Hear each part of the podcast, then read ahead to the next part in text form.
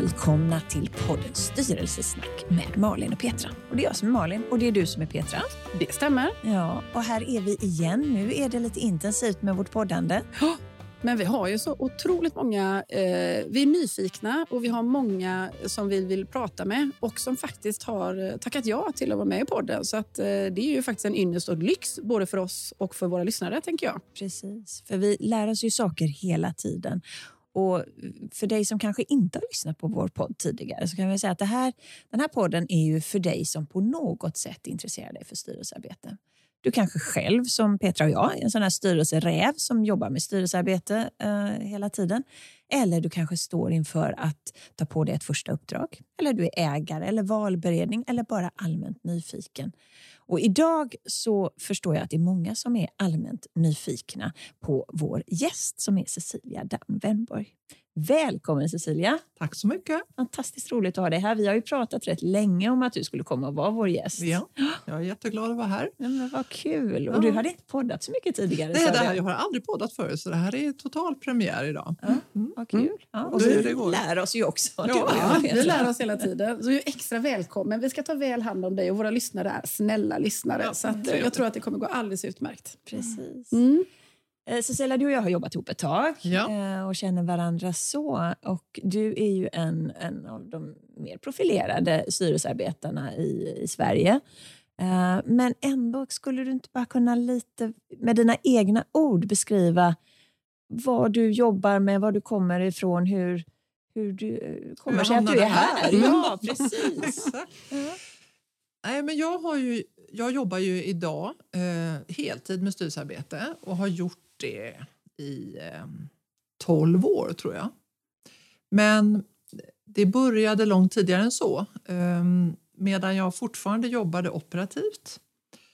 Och det var väl under min tid på Skandia, där jag då hade min längsta operativa karriär, så fick jag 2003 den första frågan från en valberedning om jag ville ehm, börja arbeta i en styrelse och det var i bolaget Nefab som förpackningslösningar på den tiden. Mm. Så det var mitt första uppdrag och där ingick jag även i revisionsutskottet. Så att där lärde jag mig väldigt mycket. Jag hade tidigare, i, framförallt i min roll på Skandia, där jag vid den tidpunkten var Sverigechef och hade ja, 2800 medarbetare eller så, många dotterbolag, varit eh, både ordförande och ledamot i många av våra interna bolag. I och med att de är finansiella så är det ju så att säga riktiga styrelser med externa ledamöter både i Sverige och Norge. Så jag hade övat lite internt kan man säga. Men det var mitt första uppdrag i, en, i noterad miljö. Och det är ju snart 19 år sedan så att jag har hållit på ganska länge med det här. Så att även jag är nog något av en räv tror jag i de här sammanhangen. Verkligen. Och nästa uppdrag eh, var 2005 fick jag en fråga och det var då från Hakon Invest som idag då heter ICA-gruppen. Just det. Och där har du hängt kvar ända tills nu? Ja, så att det, där lämnade jag förra veckan och då har jag jobbat drygt 16 år Oj, styrelsen. Så det det, är nog eh, rekord för, för min del i alla fall. Mm. Och varför jag fick de här frågorna tror jag, det var, hade nog mycket att göra med att jag ehm, eh, hade jag har, har jobbat knappt 25 år operativt men, och, och de första åren var en mängd olika roller men de senare delen av, av min eh, operativa karriär så var jag ju både CFO och VD i lite olika, eh, på lite olika bolag. Och jag var dessutom kvinna. Och på den tiden, det är ju ändå Mm. eh, nästan 20 år sedan, så var det inte jättemånga Nej. kvinnor som hade den, den, eh, den eh, profilen. Så att jag tror att det hjälpte, gav mig en liten skjuts. Att, Mm. att liksom, det är väldigt många som känner att de har blivit diskriminerade. Jag känner mig alltid att jag nästan har blivit positivt eh, Mm. liksom, det har inverkat positivt Mm. eh, att jag har varit kvinna. Men med den då CFO och vd-bakgrunden så, så var jag förmodligen då relevant. Och, ehm, sen lämnade jag Skandia och arbetade fem år på Carema, Ambea som det heter idag. Ehm, och, ehm, när jag läm- och, och där lämnade jag 2010 när det kom in nya ägare. Och då stod jag lite grann inför det här vägvalet. Jag hade jobbat knappt 25 år operativt, jag hade jobbat väldigt intensivt eh, på Skandia där jag hade fantastisk, fantastiska år. Otroligt stimulerande. Men de sista åren jag var där präglades väldigt mycket av den stora kris som Skandia var inne i då.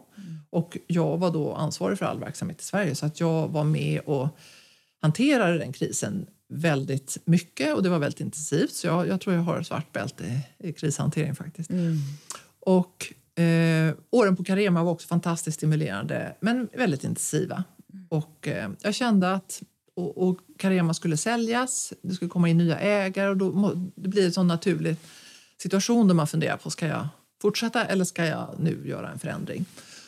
Och då funderade jag på vad är det som ger mig energi. Jag, jag tyckte, nu har jag varit CFO, jag har varit vd i lite olika bolag. Det blev lite sådär same same. Um, även om det hade varit fantastiskt kul. Men vad är det som ger mig energi just nu? Och då hade jag de här uppdragen som jag har beskrivit. Och det tyckte jag var väldigt roligt. Mm. Så, Så du tänkte- visste vad det handlade jag om? visste vad det handlade. Jag hade ju jobbat Ja. då i, i sju år Mm. redan. i- Så att jag visste vad det innebar. Och eh, Sen är det ju alltid svårt för man kan ju liksom inte ansöka om att, att bli styrelseledamot. Man, andra jobb kan man söka men det kan man ju inte. Så att eh, man kan bestämma sig för att gå den vägen men man, det är ju lite ett osäkert kliv man tar. Men varför jag vågade göra det då, det var för att under de åren när jag hade jobbat operativt och haft ett eller under vissa perioder två uppdrag då, så hade jag fått väldigt mycket frågor från olika ägare Mm. Och valberedningar om det. Så att jag kände att det verkar finnas liksom, en plats för mig där. Mm.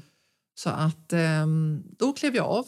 ehm, och det var väldigt många som sa att eh, nej, det här är alldeles för tidigt. Jag var 46 tror jag. Mm.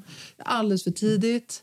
Du kommer att tröttna, du kommer bli inaktuell för du kommer vara så, liksom, det är din operativa karriär som ger dig Mm. någonting att komma med. Det kommer ta några år, sen kommer du inte vara intressant.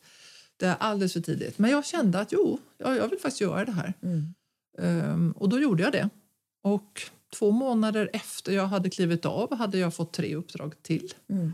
Eh, två på börsen och ett eh, onoterat. Och sen har det rullat på eh, under de här 12 åren. Och jag har haft fullt upp hela tiden och trivs otroligt bra med att jobba på det här sättet. Och det här tycker vi ju är så spännande just att, att det här är ett yrke. Du gick Mm. från ett yrke Mm. till ett annat yrke. Du är inte ute efter att gå i pension Nej. utan du vill jobba Oh ja. och du vill ha uppdrag. Och, och om, om du bemöter den, eh, de synpunkter som du själv då fick Mm. där, Mm. att du kommer att vara inaktuell om några år. Och sådär. Det är ingenting som du upplever? Nej, det har jag överhuvudtaget annat, inte känt. För det första kände jag att man ska följa sin magkänsla och det gjorde jag. Ja. Och, och det ska man alltid göra. Men det är ju inte så att man stannar för att man slutar jobba operativt Nej. utan man får ju väldigt mycket input i samband med arbetet i olika styrelser.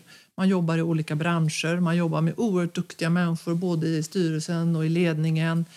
Eh, och det finns väldigt mycket som man kan ta med sig. Eh, det vet ju, vet ju ni som också jobbar med det här mellan olika bolag. Så att, eh, nej, jag, jag har inte alls eh, kommit på eh, eller eh, ja, varit i någon situation där jag känt att det här blev fel på något Nej. sätt. Jag tänker lite grann, för vi har ju pratat om det innan, det här med... För du sa det två månader efter du liksom hade hoppat av din operativa karriär så hade du fått förfrågningar om tre eller det var tre nya uppdrag. Så. Och där har vi pratat lite grann om hur många uppdrag kan man ha parallellt? Nu jobbar du i noterad miljö så då kanske svaret på den frågan blir lite annorlunda än kanske om man jobbar i den privata miljön. Jag vet inte. Men också det hur många uppdrag man kan faktiskt hoppa på parallellt. För det är ju också att sätta sig in i bolaget och den kontexten. Vad har du för tankar och funderingar där? Nej, men det här är ju alltid en svår diskussion som, som vi har pratat om, Malin, eh, flera gånger. Och Det beror ju på så mycket olika saker. Jag tror att man, behöver, man kan inte gå in i för många bolag samtidigt för det är ju en stor lärkurva eh, och, och, och det tar tid att sätta sig in och, och lära sig. Eh, Så att det är ju viktigt att man så att säga, successivt går in. Men Ehm, och sen är det ju väldigt mycket, liksom, det är både regler och praxis och så vidare när det är noterat hur mycket man kan ha och inte. Men jag tycker att ehm, det måste man ju bedöma själv. Mm. Ehm, beroende på ehm, hur länge man har suttit i vissa bolag. Eh, du kan inte vara ny i alla, men har du jobbat länge i vissa och, och ehm, kortare i andra så går det bra. Jag har som mest haft sju börsuppdrag samtidigt. Mm. Eh, och eh, bredvid har jag alltid haft en eller två eh, onoterade och något ideellt har jag Mm. fortfarande. Och jag har aldrig egentligen upplevt att jag inte har kunnat eh, vara närvarande. Nej. Eh, däremot så kan jag se att, att kollegor som jobbar operativt som har ett, ett fulltidsarbete och är ganska låsta i sin tid Mm. har haft mycket större bekymmer när det har hänt saker. När det har varit kris eller det är stora förvärv eller det är en stor, när det liksom hettar till och man behöver ha många möten. Mm. Så, men jag har aldrig, aldrig känt att det inte har fungerat. Men jag, jag, jag gillar ju att jobba. Ja. Jag, jag gör ju som sagt inte det här för att vara halvledig eller så. Utan jag har väl under de här 12 åren, jag skulle tippa i snitt har jag jobbat 120 procent. Mm.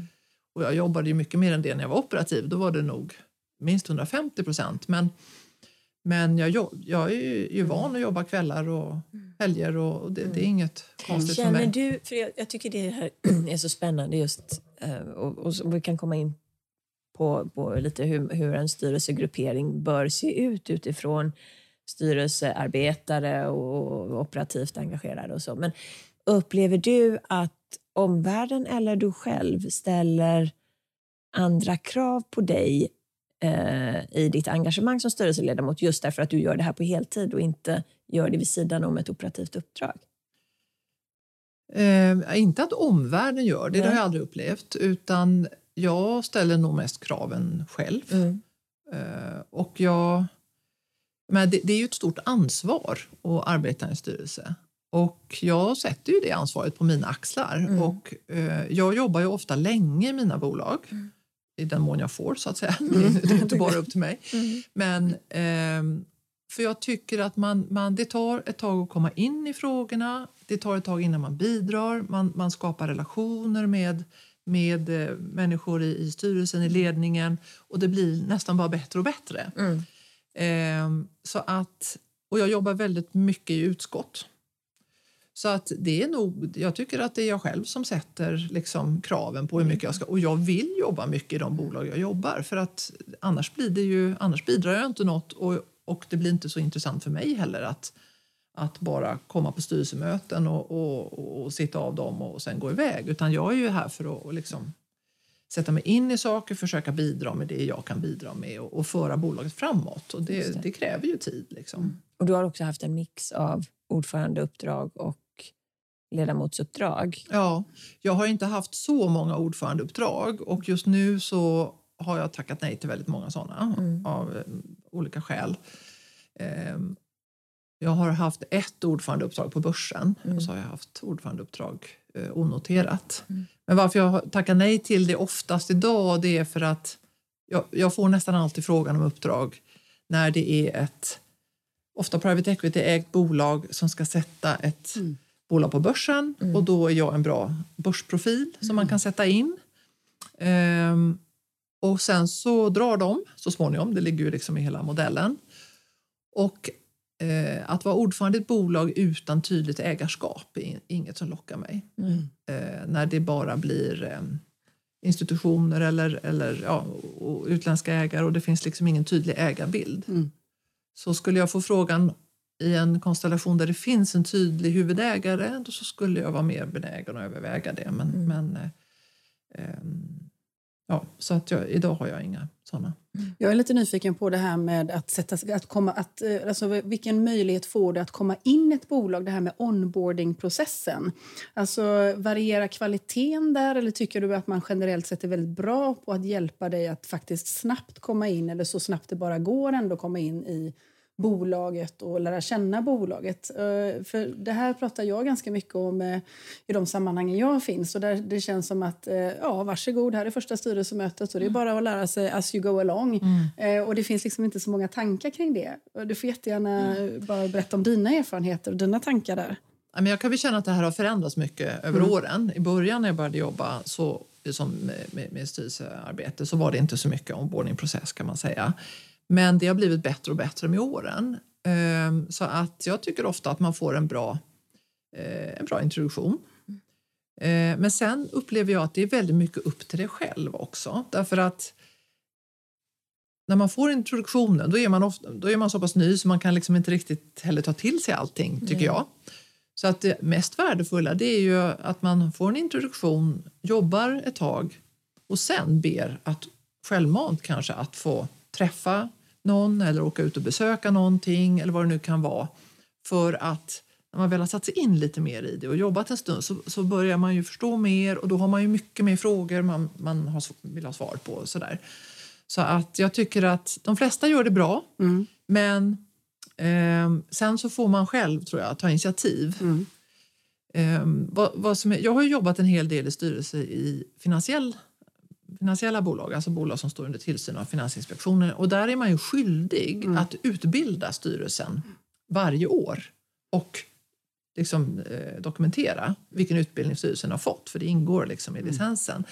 Så att jag har ju fått in det lite där och, och, det har ju fungerat väldigt bra. Och i vissa bolag där det har varit komplexa frågor så har jag några gånger begärt och fått och då har alla övriga i styrelsen hängt på att vi skulle vilja ha en halvdag utbildning mm. i den här frågan för den är så komplex mm. det går liksom inte att läsa sig till det hemma mm. på kammaren eller vi kan inte ta upp ett helt styrelsemöte med bara så att man får en fördjupning. Så att, jag tycker det blir bättre och bättre men jag tycker att det hänger mycket på dig själv också mm. att, att eh, signalera vad du behöver och eh, när och, och så vidare. Och Det där med utbildning är ju väldigt spännande. Du, du, fick ju en väldigt fin utmärkelse för ett antal år sedan där du också fick möjlighet att åka Just det. Eh, utomlands till mm. USA.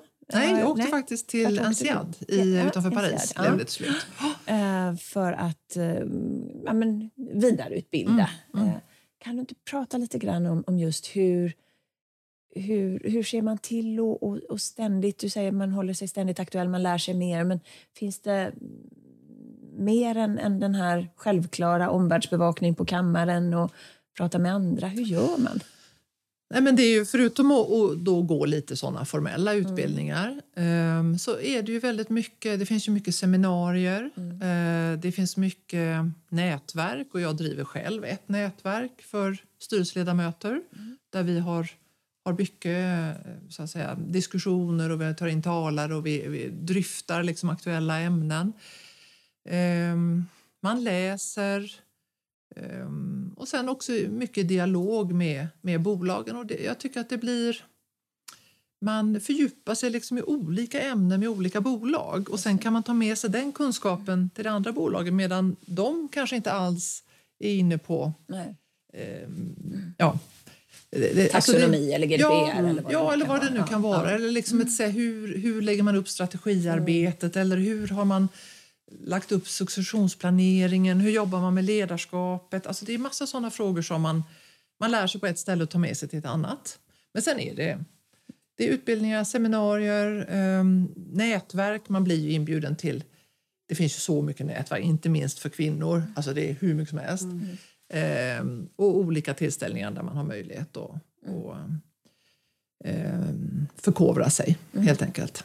På det temat där med, med att man liksom ska utbilda sig, när, när det kommer nya lagkrav, mm. tänker jag då. Eh, och då kan det ju vara lite skillnad på resurser i ett bolag, i ett kanske börsnoterat bolag och kanske då med viss speciallagstiftning till viss del då, så har man krav på att internt så ska man bevaka vissa saker. I ett privat kontext där man kanske inte alls har den typen av avdelning eller resurser och så här, så är man lite oroliga ibland för att man missar vissa vad är det som händer nu eh, om man inte hänger med då i nätverk eller seminarier. Man kanske är, nu tänker inte jag styrelsearbetare generellt sett utan ledningar också. Mm, som, men vi är duktiga i den här branschen, i vår profession. Vår branschorganisation, eller de som vi umgås med, de, de är inte så bevandrade i vad som händer om inte det specifikt handlar om liksom vår bransch. Mm. Men generellt, visselblåsarlagen, taxonomin, hållbarhetsrapportering mm. som nu förstärks, liksom, mm. Är lite räddare för att missa. Mm. Eh, liksom, har, har, du några tips och råd till dem som då inte har de här kanske avdelningarna resurser för att, för, för att Eh, hänga med i det som åtminstone är det generella. Mm. Sen har vi ju specialbranscher och speciallagstiftningar och så. Det, det, får man väl följa. Men de här liksom generella delarna så att man inte tappar bollen på det.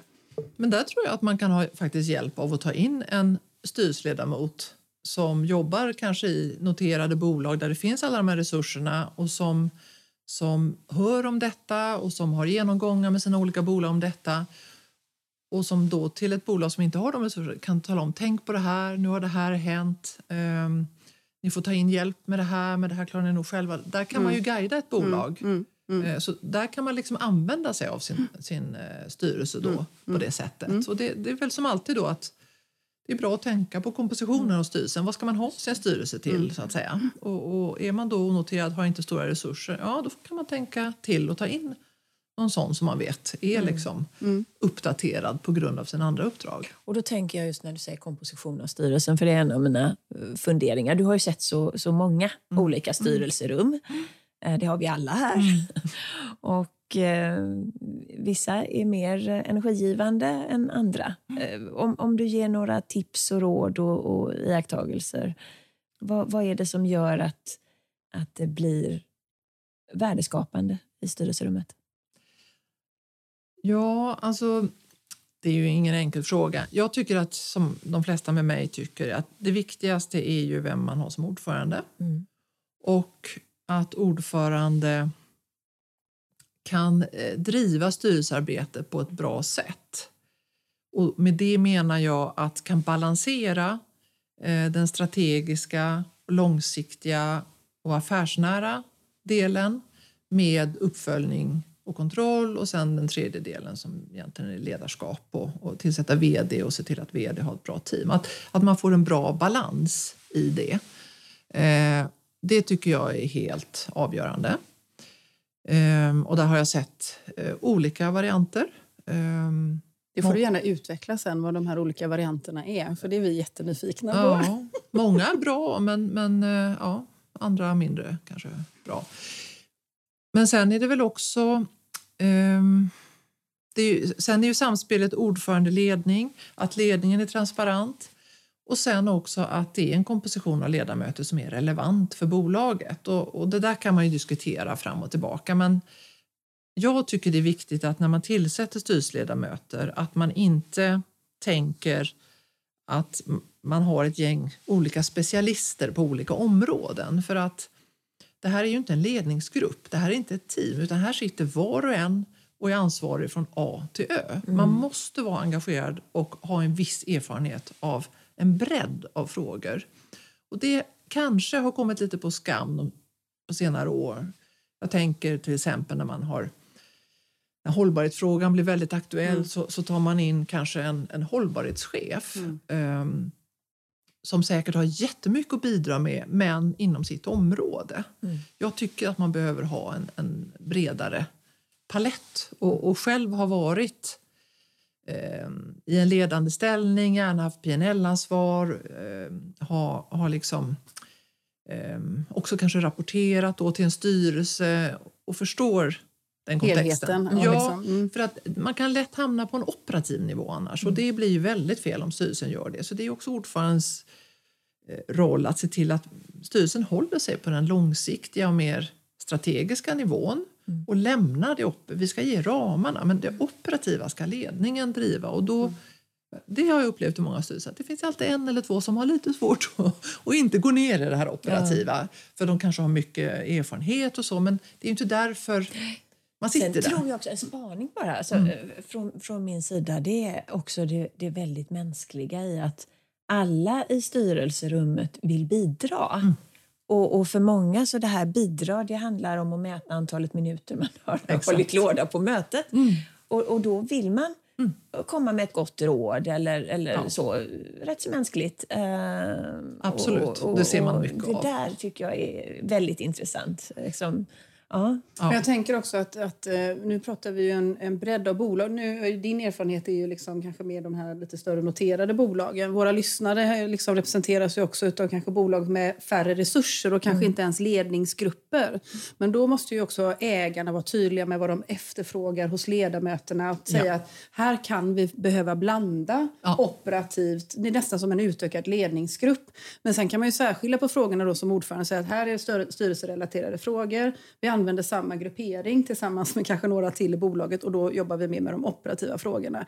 Så skulle man ju kunna förhålla sig Absolut. också tänker jag. Men, Ja. jag. men generellt sett så är det ju så vi beskriver att styrelsens Ja. roll och ledningens roll. Men det blir ju lite känsligare när man är i noterad miljö för då Såklart. finns det ju så många aktieägare och, och blir det då vissa i styrelsen som kanske representerar en viss ägare som ska ner i... och Det, det funkar ju inte. Det, men jag håller helt med dig i... Ja, compliance-delen liksom i... eh, Ja. Ja, hela governance-delen skulle jag säga. Att, att det, må- man måste ha lite ordning på den i, i noterade bolag. I, I privata bolag eller onoterade kan man ju göra andra upplägg naturligtvis utifrån vad bolaget behöver. Man kan vara lite mer flexibel. Ja, Ja. precis. Men en annan, jag har bara en annan synpunkt och det är också att jag tycker generellt att små styrelser fungerar bättre än stora. Och vad är det då? då? Numerär? Ja, det, det, det är svårt att säga. Men, men eh, en styrelse som jag har jobbat i, eh, där var vi under en ganska lång period fem personer. Mm. Och just då hade inte de fackliga företrädarna utsett några, några Representanter. så vi var fem i rummet. Och, Inklusive vd eller och exklusive? vd- Ja, och plus vd. vd sen. Mm. Yes. Och det blir ju en helt annan stämning och ett helt annat engagemang och närhet och man känner här, vi blir ju väldigt mycket liksom, vi tar ansvar all, allihopa och, och sådär och det gör man i de andra bolagen också men där blir det kanske lite mer av att man är väldigt många runt bordet och som du säger Malin alla vill säga något, det blir en del upprepningar, alltså det blir liksom en, en, en annan känsla i, i styrelserummet. Så att, ehm, Och det är vårt förra avsnitt faktiskt. Då, då hade vi Christer Olsson Ja. här. Och, och vi pratade just gruppstorlek. Mm. Eh, och, och jag var så glad för att han, han bekräftade det jag en gång lärde mig på högskolan eller på universitetet. Mm. Den optimala gruppen. Ja. Fem till åtta. Jag tror han sa sju plus Sju, minus två. ja. ja, ja. Eh, och det, det är ju intressant. Ja, därmed inte sagt att en Nej, större nej. styrelse inte Men kan man får fungera. hantera det på ett Ja, annat sätt. man behöver Ja. tänka till mer då när man, man är fler för att få det att bli lika dynamiskt. Jag är lite nyfiken på det här med arbetsutskott eh, och liksom hur ehm, eh, liksom din erfarenhet av att man använder det som ett verktyg för att gå djupare ner i frågor och hur, man, hur kommer man fram till att man faktiskt ska ha ett utskott och hur resonerar man för att besätta den och vad är instruktionen eller uppgiften för ett utskott? Och du, för jag vet att det är många som är nyfikna på utskott och vad kan man ha dem till? Eh, och då kanske det är mer liksom de här beredande funktionerna som man kan ha. Och sen så pratar vi också om det här med revisionsutskott till exempel som är mer en kanske kontrollerande funktion. Men jag, jag är mer på den här, eh, liksom, nu har vi en fråga som vi ska eh, gå djupare ner i. Din erfarenhet och dina tankar kring just utskottsfrågan och, och det som en resurs? Men jag är väldigt positiv till utskott eh, och som jag sa tidigare jobbar jag oftast eh, i, eller leder ett eller två utskott. Och eh, det, i alla fall i min värld så, så är det ju några utskott som de flesta har och det är ju revisionsutskott och ersättningsutskott. Eh, det, det är ju liksom, I noterad miljö har man ju alltid det. Sen kan revisionsutskottet utgöras av hela styrelsen men, men oftast har man ett separat. Kan du bara beskriva kort för våra lyssnare, för alla är inte insatta i vad gör ett eh, ersättningsutskott och vad gör ett revisionsutskott? Bara kort liksom. Ja, ersättningsutskott kan jag ta kort och så kan jag ta lite längre för revisionsutskott för det är lite mer att göra där. Nej, men ersättningsutskott ska ju hantera framförallt ersättningar till eh, vd och eh, även till ledande befattningshavare i form av lön, i form av eh, eventuella bonusar och eventuella eh, aktiebaserade program som ska läggas fram för stämman. Eh, man, det är lite olika vad man inkluderar men, men eh, successionsplanering eh, ligger i vissa bolag i ersättningsutskottet. Att, att man bereder det. Det kommer till styrelsen sen och det gör även, även ersättningsfrågorna. Och man tar fram eh, riktlinjer för ersättningsfrågor för bolaget, den här ersättningsrapporten som man måste ta fram numera. Så att liksom, man håller koll på hela, hela paketet kring mm. ersättningar i den ledande skikten i bolaget. Mm. Och vilka Två saker där kan vi väl bara komplettera med. Och det, och det ena är ju som du säger att att det är mycket som ska förberedas till stämman mm. och vid, ofta vid ett årsskifte eftersom ja. det ofta är då man reviderar eh, ersättningsnivåer. Så att mm. det blir en mer koncentrerad insatsarbete. Mm. Vissa har utvecklat ersättningsutskott till People Committee och då blir det mm. mer successionsfrågor där. Men, och det är viktigt, precis det du säger, att oavsett om det är ett ersättningsutskott, en People Committee eller en revisionsutskott, det är styrelsen mm. som kollektiv har ansvar. Oh ja. Så utskottet bereder mm. precis det vi mm. säger, men, men sen går det till styrelsen. Absolut. Och så kan styrelsen känna sig lite mer bekväm men ha samma ansvar att kontrollera, eller hur? Ja, ja men så är det. Sen kan man delegera vissa, vissa beslut. Till mm. exempel så brukar brukar eh, ersättningsutskottet hantera ersättningarna till ledningsgruppen medan hela styrelsen måste del, vara del i beslutet till vd. Mm. till exempel. Mm. Så att det är en viss ja. förskjutning av beslut. Men, men i, men då delegerar väl styrelsen det? Då ja, gör man i en arbetsinstruktion. Ja, en ja. arbetsinstruktion. Ja. Exakt. Mm. Och, och tar vi sen revisionsutskott så är det ju lite mer eh, omfattande och eh, det har ju också förändrats eh, över åren. Eh, jag har ju nu har jag konstaterat 19 års erfarenhet av att jobba i revisionsutskott i noterad miljö så jag har verkligen sett det. Och, och ska man förenkla lite så Förr så var det väldigt mycket finansiell rapportering och det som hänger, alltså delårsrapporter, årsredovisning och så vidare. Och så var det externrevision, mm. Eh, det vill säga eh, alltså externrevisorns eh, granskning av bolaget så som man gjorde. Och det kunde vara någon ytterligare fråga, men, men om jag ska förenkla lite så mm. var det huvudsakligen det. Idag, ehm, i alla fall i de revisionsutskott som jag leder eller medverkar i, så har man ett mycket bredare anslag och man jobbar med Förutom det här som man eh, gjorde förr, som man har fortsatt med, så jobbar man mycket med fördjupningar. Vi har liksom fördjupningar om skatt vid ett tillfälle, treasury vid ett annat tillfälle. Det kan vara informationssäkerhet, det kan vara pensioner, man går lite mer på djupet. Eh, man bjuder ofta in eh, CFOer från affärsområden eller dotterbolag runt om i världen eller för en, en enhet och, och får en djupare liksom, insikt i, i just den enheten. Man jobbar, fler och fler bolag inrättar internrevision.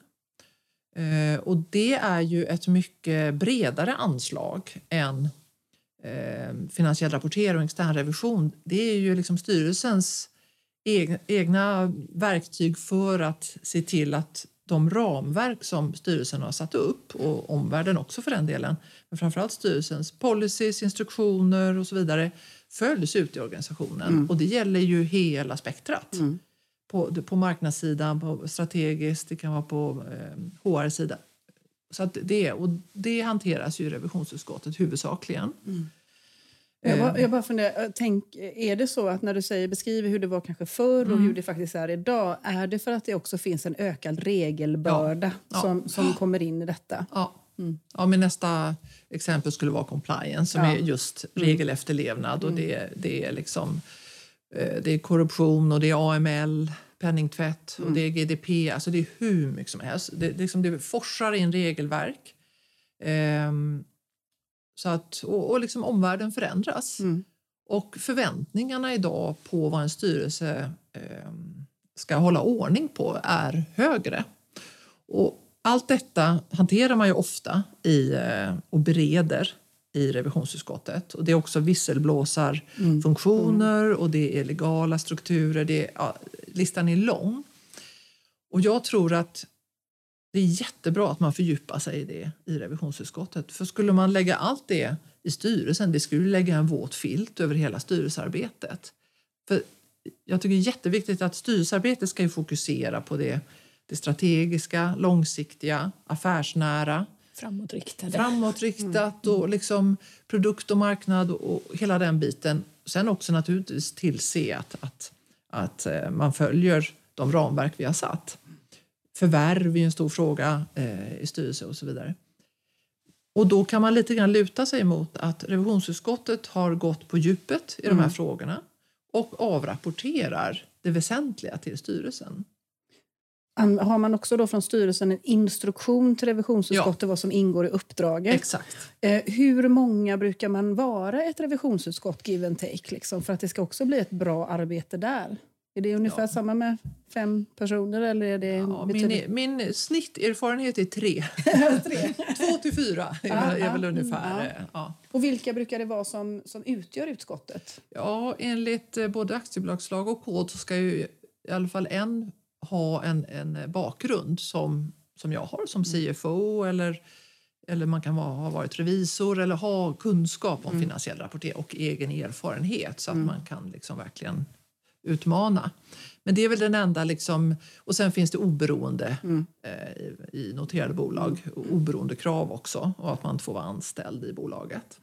Men annars kan man ju välja så att säga eh, vem man vill. I styr, det är styrelsen som väljer vem som ska ingå i utskottet. Och det har ofta diskuterats om blir det liksom inte ett A och B-lag och man får mycket mer information. Men all, man jobbar ju numera ofta med styrelseportaler där all information finns och hela styrelsen har ju normalt tillgång till allt material. Så att man kan gå in, om man nu orkar det, läsa all, allt material till revisionsutskottet även om man inte deltar i utskottet. Och man kan ju också be att få vara med och sådär. Och det tycker jag kan vara ett tips, kan det inte vara det Cecilia? Eh, Om, om vi tänker en, ehm, en relativt ny styrelsearbetare som lyssnar på det här och som kanske då ännu inte är invald i några utskott och som, som känner nu vill jag förstå och lära. Då, då skulle ett tips från min sida vara att läs inte bara styrelsematerialet utan titta också in i kommittématerialen. Eh, och det är mycket material eh, men eh, det ger, det ger en ännu, en ännu mer djup bild, eh, tycker jag. eh, Absolut. Och jag tänker också om vi ska bredda bilden då lite grann så tittar man i de privat, den privata kontexten så jobbar man ju väldigt lite med, man jobbar inte, jag har nästan aldrig stött på ett revisionsutskott egentligen eller ersättningsutskott. Möjligtvis att ja, men nu ska vi notera bolaget och då har vi en arbetsgrupp eller nu ska vi göra ett förvärv, då har vi en arbetsgrupp. Alltså den typen. Så att eh, vi ska ju också med våra lyssnare som kanske inte är styrelseaktiva så kanske man inte då i de, den privata kontexten möter på den här typen av utskott. Det så är att bra vi att också veta vad det är. med det. Ja. Men jag att tänker veta, just att om man absolut. har ett första uppdrag och, och gör ett, är lite, inte orolig, men, men är lite Mm. spänd inför ett första uppdrag i en noterad miljö så skulle min rekommendation vara att verkligen titta in i revisionsutskottets Ja. Material också. Men jag funderar också över um, revisionsutskottets... eh, alltså, skulle det kunna, jag, jag funderar ibland liksom, när jag hör vad revisionsutskott gör i den noterade miljön. Skulle vi liksom till, på en viss storlek på bolag i den privata kontexten ha fördel av att faktiskt utse någon form av revisionsutskott där, även om det inte finns något krav på det, eh, tänker jag ibland. Därför att vi upptäcker ju också att ja, det, det kommer mycket mer regler. Det är mer komplext i alla bolag, Ja. för Ja. alla styrelser. jag, tror det finns en, jag tror du har helt rätt i det, Petra. Och, och intressant att höra vad du tycker, Cecilia. För att en annan aspekt på revisionsutskott, eh, min erfarenhet, är ju att det blir också ett forum för ekonomidirektören eller CFOn Mm. i bolaget. För att i revisionsutskottet, det finns lite olika filosofier, men, men min bild är att vd kanske kan komma någon gång, men, men ska inte vara med där. Och då blir det, då, då kan man få en, menar, en annan bild. dialog Mm. med ekonomichefen Mm. eller CFOn. Och, och just det har jag varit med om i, i ehm, vissa bolag där man inte har haft ett revisionsutskott och sen har skapat det. Så har ofta reaktioner från ekonomidirektören just varit att det har varit en enorm hjälp Ja. att få det här liksom systematiska liksom stödet och fokuset på de här frågorna som är, är rätt eh, komplexa och jobbiga frågor som hela styrelsen, det, det, det blir svårt att ta det i, i hela styrelserummet för alla är inte insatta eller intresserade eller så. Och vill snabbt in på affären och så, vilket är naturligt och bra. Men att få ett annat forum då, där det, det har jag förstått Ja, har varit eh, väldigt lyft för just ekonomidirektör. Och du, för du har ju du är ju liksom, för mig är du väldigt mycket, alltså du är revisionsutskott och du ju, är ju ofta också ordförande mm. i mm. revisionsutskott. Sen vet jag att du sen, sen länge brinner för hållbarhetsfrågor och jag blev så inspirerad av att du berättade för mig vid ett tillfälle att du också i ett bolag ingick i ett hållbarhetsutskott. Mm, absolut. Berätta. Ja. Och eh, det är... Jag har ju suttit i ICA-gruppen mm. i många år. Jag lämnade den styrelsen förra veckan, mm. men jag har jobbat där i drygt 16 år så jag har många av mina styrelseerfarenheter är därifrån. Där ledde jag både revisionsutskott och hållbarhetsutskott. Och jag ska inte säga att jag eh, brinner för hållbarhetsfrågor, eller inte kanske gjorde, men när man jobbar i eh, en bransch som är så som dagligvarubranschen där man har konsumenter inne i dina butiker varje dag som kräver att, att man jobbar med hållbarhetsfrågorna för att, att de ska vara kunder i, i, eh, i butiken i det här fallet så får man ju ett annat tryck i de frågorna. Det blir liksom helt avgörande. Mm. Och eh, de flesta dagligvarubolag är ju väldigt duktiga på hållbarhet och, och, och ICA-gruppen har varit fantastiskt duktiga. De, de, har varit tidiga med det här och jobbat eh, väldigt bra och systematiskt med de frågorna. Eh, jag tror man anslöt sig till GRI-rapportering 2004, så det var väldigt länge sedan och började släppa separata kvartalsrapporter om hållbarhet från 2014. Så man har hållit på mycket. Så det har inte varit någon brist i bolaget. Men i och med att vi, vi såg i styrelsen mer och mer att det här är ju en otroligt viktig strategisk fråga så måste vi få upp den på ett bättre sätt på styrelsebordet. Och då gjorde vi en lite riktad liksom, eller samlad eh, satsning där vi eh, eller där vd då befordrade hållbarhetschefen så att hon blev hållbarhetsdirektör, kom in i ledningen. Eh, vi började sätta eh, hållbarhetsmål i bonusprogrammen för ledningen. Eh, vi bad vd att framöver i sin vd-rapport på varje styrelsemöte kommentera hållbarhetsnyckeltal och aktiviteter parallellt med de finansiella. Eh, och det bildades en hållbarhetskommitté i bolaget och så vidare. Och som, ett, som en del i allt detta så var det faktiskt mitt förslag att vi skulle också inrätta ett hållbarhetsutskott i styrelsen. Vilket vi gjorde och, och jag har lett det då under de här, jag vet inte vad det kan vara, fem år som, som jag har, vi har haft det. Och eh, det var också ett sätt att verkligen få upp frågorna på bordet. Och eh, då var vi tre stycken i det utskottet och, eh, och fördjupade oss, eh, beredde eh, frågorna där eh, i syfte att få upp det här på hela styrelsens bord. Och kombinationen av att vd vid varje möte avrapporterade hållbarhetsnyckeltal, aktiviteter, strategier, vad det nu må vara och att jag avrapporterade från hållbarhetsutskottet och att vi var tre i styrelsen som hade mycket djupare kunskap om det här tycker jag i alla fall har lett till att det har kommit in på ett mycket liksom, naturligare sätt i strategin, i uppföljningen, i alla delar som man jobbar med. Um, har det varit kontraproduktivt på något sätt det här liksom med att eh, vd och eh, liksom kommer in med sin syn på, på hur man jobbar med det? Och nej. Det liksom, nej, utan nej. det har varit ett komplement ja. och ett berikande helt enkelt. Ja. Och vi, vi har ju, och vad som var väldigt kul tyckte jag med det här, det är ju för att det, det är ju, vi är ju alla intresserade av hållbarhet och jag menar styrelsen ska ju jobba med långsiktiga frågor och är det någon fråga som är långsiktig så är det verkligen hållbarhetsfrågan. Men det var ju lite ett vitt papper. För när vi mm. skapade utskottet, skapar du ett revisionsutskott så kan du läsa aktiebolagslag vad du ska ha mm. för eh, agenda så att säga, på mötet. Och ersättningsutskott, jag har alla bolag. Men här, eh, hur ska vi lägga upp det? Mm. Och jag, jag letade runt lite och kollade om det fanns några andra bolag som hade eh, sånt här utskott. Och jag hittade inte många. Jag såg att Telia hade ett, så jag ringde dem och frågade lite. Men de, det hade ett annat. De Syfte. jobbade mer med att, att lösa alla de mer affärsetiska frågorna mm. som de hade haft problem med. Så mm. Vårt var ju mer offensivt och positivt. Att, mm. att liksom, så att vi har ju tillsammans i utskott tillsammans med hållbarhetsdirektören som, och eh, vi har haft hållbarhetsdirektör, personaldirektör och eh, eh, chefjuristen har rapporterat in för vi har haft liksom, etik och mångfald och hållbarhet. Man måste ju definiera Ja, hållbarhet. men och precis, det, det var lite definieras- min fråga. Hur, vad vad Ja, men det, det, inkluderar ni i hållbarhet? Ja, vi har då inte inkluderat affärsetik till exempel, det har vi vid sidan av. Men, men jag tycker att det hör hemma där så vi har ändå haft det i utskottet. Och, och, ehm, så att jag går inte in på definitionen för den är så liksom, bolagsspecifik. Men varje bolag måste ju titta på sin, på, på sin definition och var det är relevant. Mm. Och framförallt måste man ju lägga ägarskapet i, i affärsdrivande verksamheter och inte på en stab. Men det, det är mer hur bolaget organiserar sig. Men i det här utskottet så har vi då del haft, dels haft en formell del där vi har, har gått igenom policies eh, inom de här områdena. Eh, vi har eh, haft både intern och extern revision, eh, avrapporteringar kring hållbarhet.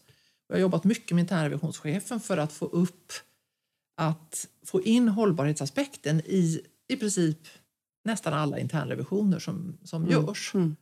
Eh, inte bara att man, man reviderar internrevision eller eh, hållbarhet och sen är det klart utan att det är ju en aspekt som ska finnas och leva i alla affärsverksamheter och processer och så vidare.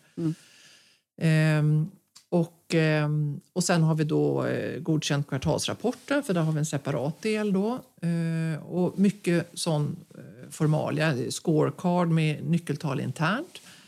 Men sen har vi också haft mycket omvärldsbevakning, konkurrent och trendspaning. Vi har haft fördjupningar där vi har lärt oss olika liksom, regelverk och så vidare.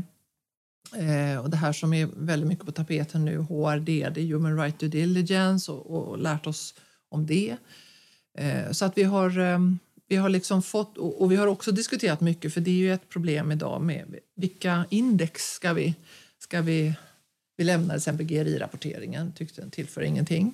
Stor byråkrati och skapa, vi, vi kan ge mycket bättre information till, till marknaden och våra kunder än den. Och att, att man tar lite sådana beslut och sen, eller bereder dem. Mm, sen tar, tar man det i ja, ledning eller styrelse beroende på nivå på beslut.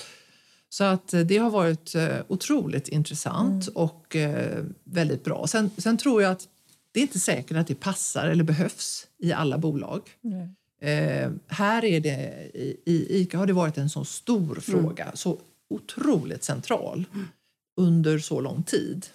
För jag ser ju i mina andra bolag så är man, där är man ju på gång och många är väldigt duktiga. Och, och, men men det är, frågan är inte, den är inte avgörande Nej. på samma sätt, i alla fall inte i nuläget. Det här är ju föränderligt. Jag är lite nyfiken på ehm, när man då kommer in, eh, när du får en fråga från kanske en rekryterare, en valberedning om att gå in ett uppdrag så bildar ju du dig en uppfattning och de kanske berättar liksom ungefär sån här tidsomfång eller det här tänker vi att du ska bidra med i den här styrelsen.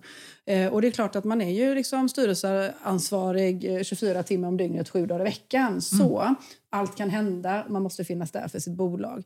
Men då är jag lite nyfiken på när man då kommer in i ett uppdrag och sedan så bestämmer ni i styrelsen att ja, men utskottsarbete, extra arbete och så här. Eh, du behöver inte prata om nivåer, men jag tänker ersättningen då. När man kommer in och ska bilda sig en uppfattning om att ja, men det här är mitt arvode för att vara styrelseengagerad. Eh, det här som tillkommer under resans gång som extra tid.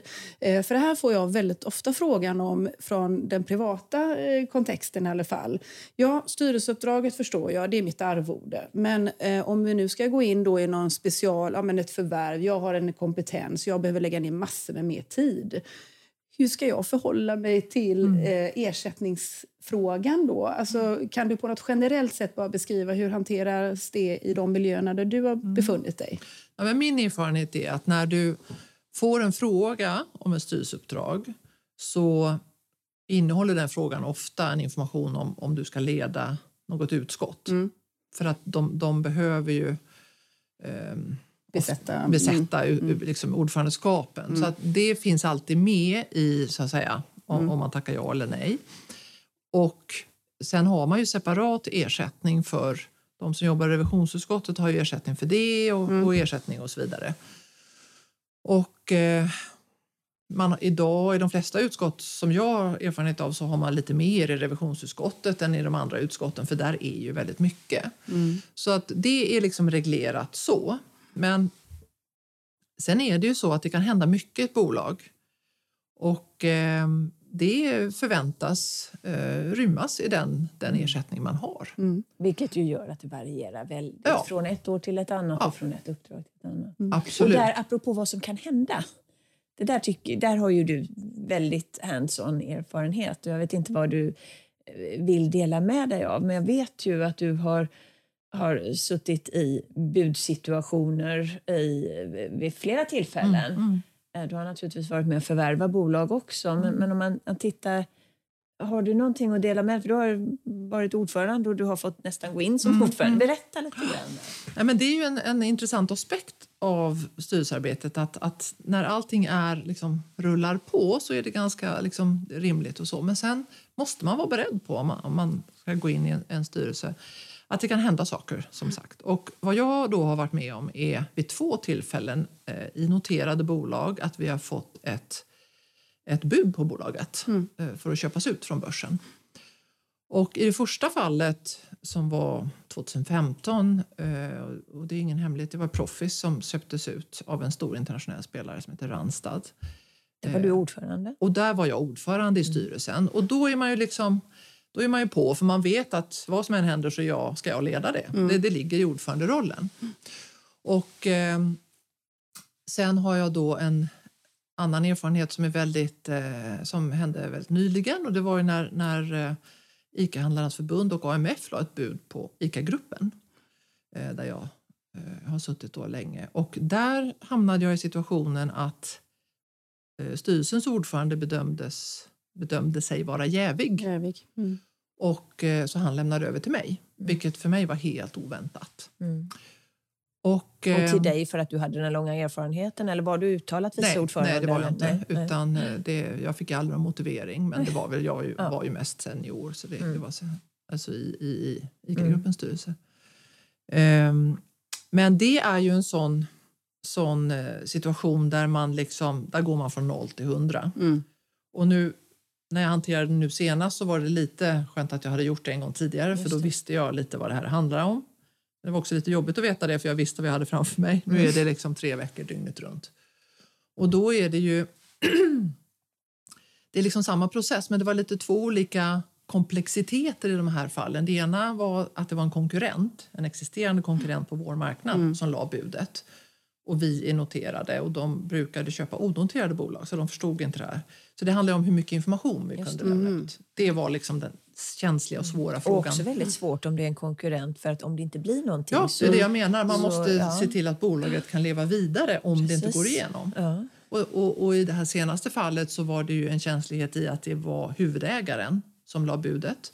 Och det var väldigt viktigt att vi då som i den oberoende, för många i styrelsen var då jäviga, så att vi som var oberoende måste ju verkligen kunna visa att vi är oberoende och ser till alla aktieägares intressen. Det blir oerhört viktigt. Så det var liksom två olika komplexiteter att hantera. Men liksom, eh, processen är ju ganska lik. Och det är ju så att budgivaren har ju då hållit på i månader att förbereda sig. Tagit in eh, råd, finansiella legala rådgivare, räknat på allt det här och, och tänkt och så vidare. Och sen kommer dimper det ner hos bolaget. Och då är det ofta... Och det är verkligen ett brev på posten. Ja, det är ett det. brev. Ja, det är ett brev helt enkelt. Och det är liksom... Med okej. snigelposten alltså. Ja, men det kan nog komma på mejl också. Men det är ett brev som dimper ner och då är det bara okej. Och ehm, då sätter de budgivaren ofta ut en tidplan och den behöver man ju för sig inte följa. Men ehm, alla har ett intresse av när det är noterad miljö att det går fort för att det är sån läckagerisk. Mm. Så då är det bara att direkt eh, börja upphandla finansiell rådgivare, legal rådgivare, revisionsbyrå för att få fairness opinion. Du måste ringa börsen och informera. Du får göra en läckageplan, eh, skapa en budkommitté, informera arbetstagarrepresentanterna och hitta ett förhållningssätt gentemot ledningen. Och det här är lite intressant för att normalt i ett styrelsearbete så är ju ledningen lite i framsätet och styrelsen är, backar upp, stöttar, utmanar, kontrollerar och så. Men här vänds det lite grann. Här blir ju då styrelsen eller den oberoende delen av styrelsen i förekommande fall som sitter i framsätet, vilket blir en väldigt svår dynamik. Eller svår. Det har gått jättebra i båda de här fallen, men det blir en annan dynamik som alla är lite ovana vid, så det blir lite annorlunda och frustrerande. Och sen är det då, alltså styrelsen är ju inte förhandlingspart i ett bud utan det vi ska göra är bestämma om vi ska lämna en rekommendation eller inte till aktieägarna och anta det här budet och om vi ska göra det i samband med att budet läggs i marknaden eller om man ska göra det innan accepttidsfristen går ut två veckor innan tror jag det är man måste göra det. Så att vi liksom, det är ju ägarna som ska ta beslutet men vi ska då Hjälpa ägarna med ett effektivt beslut. Liksom. Ja, exakt. Och de budgivare vill oftast ha styrelsens rekommendation såklart för att det, det blir mycket enklare då. Och då blir det ju en dialog där innan man kan i så fall bestämma sig för det. Så att det är, ett, det, det är verkligen ehm, det är 180. Och ehm, det är budkommitté eller styrelsemöten i princip varje dag. Det är rådgivare, företagsledning, eh, budgivare. Alltså det, det, det ringer, det ringer, det ringer. Det är liksom. Och det svåra här, för eh, som styrelseledamot så har du ju... Ditt ansvar är ju att företräda samtliga aktieägare. Ja. Så du och styrelsen som kollektiv har ju ansvaret att, att bedöma vad som är bäst för aktieägarna. Mm, absolut. Inte i första hand för bolaget. Sen hoppas man ju att det här går hand i hand. Ja, alltså, Eller hur? ja, Det där kan ju vara lite blir- svårt. Ja, men det blir ju i viss mån bolaget också för det kan ju vara så att budet inte går igenom Ja. och då måste man ju för aktieägarnas skull se till att bolaget kan leva vidare. Så man måste liksom hela tiden tänka på bolaget, Bolaget också. också. Mm. Men eh, vår uppgift är ju liksom inte att bedöma är det här alltså, bra eller inte bra utan det är ju mer liksom budnivån. Pengarna. Mm, pengarna. Är det här en bra affär för aktieägaren? Men är det här det bästa för bolaget just nu?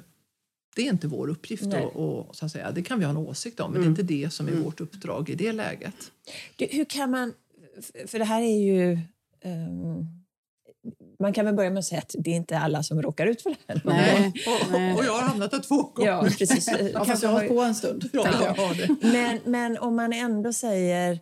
eh, hur kan man förbereda... Hur kan man liksom ha en liten beredskap? Ska man ha någon liten checklista? Det här ska jag göra om, det, om, om brevet kommer. Nej, men min erfarenhet är så här att jag kan bara säga att båda de här affärerna gick bra.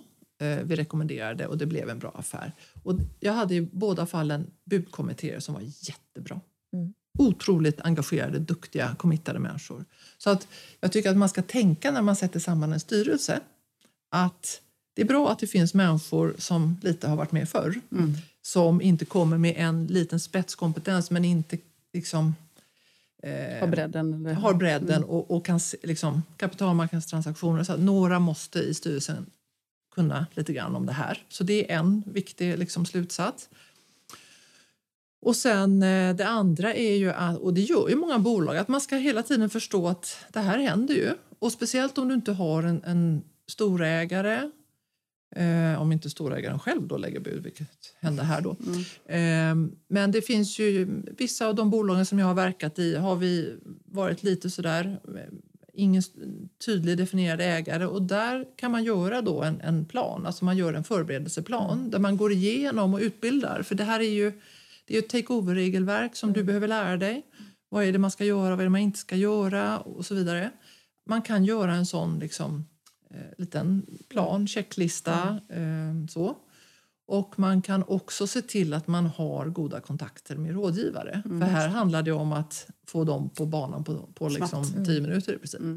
Och då är det väldigt bra om man har någon man känner. Och kanske ha två stycken, för man kan ju inte ha samma som den budgivande parten. Då. Nej, Så precis. ringer man den första så, Ja, så, så att ju man så har, ser till att i alla fall någon i styrelsen har liksom ett aktivt nätverk. Eh, och det är inte säkert att man ska ta de upparbetade som, som eh, ledningen har. Nej. För man behöver i den här situationen lite grann distansera sig från ledningen. Även om de tar del i form av att, att hålla presentationer och så för rådgivarna för att få dem på banan så är det ändå så att det här är inte ledningens fråga. Eh, och så man försöker ju, och vi försöker ju vara då liksom oberoende på alla sätt och vis. Så att, eh, vi brukar inte ta samma rådgivare som ledningen normalt jobbar med utan andra. Då. Eh, Och kanske ibland. också ligga på en, en, att då och då göra en egen värdering av bolaget. För att Exakt. det, det som är svårt i de här, och, och för att du måste ju också kunna, om, du, om det inte blir någon affär och den Mm. inte kommer till marknaden kännedom därför att den inte blir av, Mm.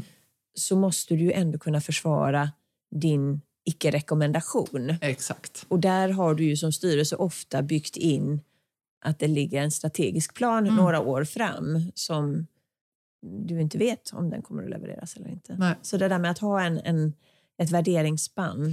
Ja, Jag jag, tror att, att med jämna mellanrum ta upp Ja. den här frågan lite grann och fundera kring det. Sen ska ju inte en styrelse jobba och drivas av aktiekursen. Så att säga. Det blir väldigt konstigt. Vi ska ju driva bolaget. Men då och då tänka tanken. Och speciellt om man är lite så ägarlös som jag brukar kalla det. Men, men med ett spritt ägande utan någon där man skulle kunna vara en munsbit för någon. Att man liksom är lite, håller koll på det. Men det, men det tänker jag även i den privata miljön så är det ju många som, som ehm, ja, är det bra bolag, duktiga liksom, grundare, de får ju bud titt som tätt liksom, och då, kanske, då har man inte samma regelverk heller som kommer in i den kontexten. Eh, och då är det, samma rekvisit är ju där, att har man någon mer erfaren i styrelsen som kanske har varit med om detta innan, eh, då kan man ju ändå, liksom, likt det du berättar, ändå kan hantera processen ja, ganska likvärdigt, även om inte vi har regelverket på samma sätt. Vi, har ju ändå, vi ska ju ändå representera aktieägarna. Mm, absolut. Eh, så, men det kanske inte är samma regler som gäller i den processen. Men styrelsens arbete och ansvar är ju ändå likt. Ja, ja, liksom. ja, ja, Mm. absolut. Ja, jag vet att tiden går fort, eh, Malin. Och, men jag har faktiskt en fråga som jag har suttit och funderat på länge, som jag får väldigt ofta eh, när jag möter många som är nyfikna på styrelsearbete och går då kanske från den operativa karriären som du beskriver och har varit i stora organisationer med koncerner där de kanske, kanske då har jobbat i dotterbolag och så här. Och när de själv kanske då får en fråga om ja, nu eh, ska jag vara en koncernstyrelse eh, och vi har en koncernledning och vi har dotterbolag. Eh, vilket ansvar, nu vet inte jag om du kan svara på den frågan, men jag vet att du ändå jobbar till koncerner så kanske kan i alla fall reflektera över det. Eh, vilket ansvar har jag i en koncernstyrelse? För de, ibland tänker de så här att allting som pågår ner i dotterbolagens liksom, verksamheter eh, aggregeras upp som ett ansvar i koncernstyrelsen. Och många som då går in på dotterbolagsnivå eh, är rädda för att de ska få ett ansvar där som har bäring på hela koncernen. Har du någonting liksom att, att säga om du skulle få en motsvarande fråga? Ja, alltså... ehm, Förstod det beror du på, lite? Ja, jag förstår Ja, vad ja, jag var ute efter. Och, och det beror på vilken typ av ansvar du menar. Alltså koncernstyrelsen har ju ansvar för, för allting Mm. i hela koncernen. Och jag skulle nog inte säga att ett dotterbolag, en styrelseledamot i ett dotterbolag kan- kan bli ansvarig för annat i koncernen än i det dotterbolaget. Så Mm. det är ganska tydligt. Men om man sen kommer till det här formella ansvaret, om det sker någonting som är... En mutskandal kan vi ta då, Ja. nere på dotterbolagsnivå. Ja, då är det ju i första hand styrelsen på dotterbolagsnivå som är formellt ansvariga. Sen kan det smitta Mm. upp till koncernstyrelsen i vissa fall. Och det kan jag inte liksom, Nej, eh, det- exakt så- redogöra för. Men, men man ska tänka på det eh, när man sätter sig, om man sitter i en dotterbolagsstyrelse, att, att man måste ha samma koll där som man har i en, en koncernstyrelse. Eh, och kanske ännu mer på just de här formella frågorna därför att där är man ju formellt ansvarig. Ehm, och, och jag har jobbat i många koncerner där man har också en finansiell ett dotterbolag som bedriver liksom bank eller försäkring eller en fondverksamhet eller så. Och så har du en, en koncernstyrelse och där diskuteras mycket vem är ansvarig för vad och så men där är ju stenhårt alltså de, I dotterbolaget, i liksom. dotterbolagen. Men även där kan det smitta. Så då får man ju som koncernstyrelse fundera på hur gör man då? Men det handlar det inte lite om sunt förnuft också? Lite grann? Att, att liksom, har vi en god övergripande kontroll med instruktioner, policies eh, så här, som en, är rimligt att ha för hela verksamheten som se, och sen säkerställa att vi har det, liksom, vad ska man säga, att det arbetas ut i de dotterbolagen som det ska arbetas, ut- arbetas ut i, eller alla dotterbolagen. Då har vi med rimlighet liksom tagit vårt ansvar och, och gjort det vi ska göra. Eh, men jag vet att det finns de som på koncernstyrelsenivå inte alltid förstår att de kan bli smittade av eller att man liksom i princip sätter sig tillbaka och eh, tänker att det är allt ansvar i dotterbolagsstyrelserna. Så att där behöver vi kanske inte liksom, eh, bereda eller, eller prata om vissa frågor mm. mer än den liksom, ägardirektiv, tolka ägarna, ge direktiv ut. Där liksom i princip stannar ansvaret. Mm, mm. Men så är det ju inte. Det har man ju sett lite olika liksom, fall. Så att det är klart att det smittar, men det finns liksom ingen entydig regel Nej. om när det smittar och inte. Mm. Men det här du sa om att, om, att man ska vara lugn då i dotterbolaget om, om, om styrelsen, koncernstyrelsen har skickat ut instruktioner. Ja, om du är i samma land. Mm. Men man måste alltid säkerställa, är, det, har du do, är dotterbolagen i andra länder så måste ju varje dotterbolag också säkerställa de lokala så att säga, mm. reglerna och, och, och mm. föreskrifterna. Så att, um, ja, det behöver man lägga till. Har du varit i något sammanhang där du har varit med i en dotterbolagsstyrelse och där det har tagits eh, något beslut i koncernstyrelsen som ni ska verkställa och där ni inte på lokal nivå eller dotterbolagsnivå vill eh, av bolagets, liksom för bolagets bästa eh, verkställa de liksom, besluten som är tagna? Och det har liksom lite grann att man bedömer ansvarsfrågan i det. Kanske mm. inte liksom någon brottslighet på något nej, sätt nej, nej. utan mer ja. eh, dotterbolagets bästa. Nej, för jag sitter nästan alltid i koncernstyrelsen. Ja, ja, mm. För många år sedan då, under min Skandia-tid så satt jag i dotterbolagsstyrelser. Men nej, det, det har inte varit några sådana situationer. Nej. Mm. Ja. Det är en sån här fråga som man brukar få ibland. Ja, men det, det kan vara bra att få perspektiv den kan vi på det. diskutera vidare eh, mm. framöver också. För just det här med koncern och döttrar. Mm. Är, för det, det, handlar ju också som koncernstyrelse. Om man nu ska ha dotterbolagsstyrelser mm. mer än pappersstyrelser mm. så handlar det om att ge dem eh, ett berättigande. Mm. Ja, och, och jag tycker att man måste också...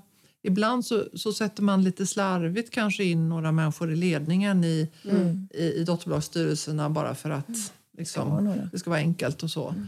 Men det, det, kan ju innebära en, mm. en, exponering för dem som är rätt så icke önskvärd så att mm. säga, av olika skäl. Så man, man, måste liksom fundera igenom de här frågorna. Mm. Och, och, ehm, och, I de koncerner jag sitter eller har suttit där vi har haft reglerade bolag eller bolag, finansiella bolag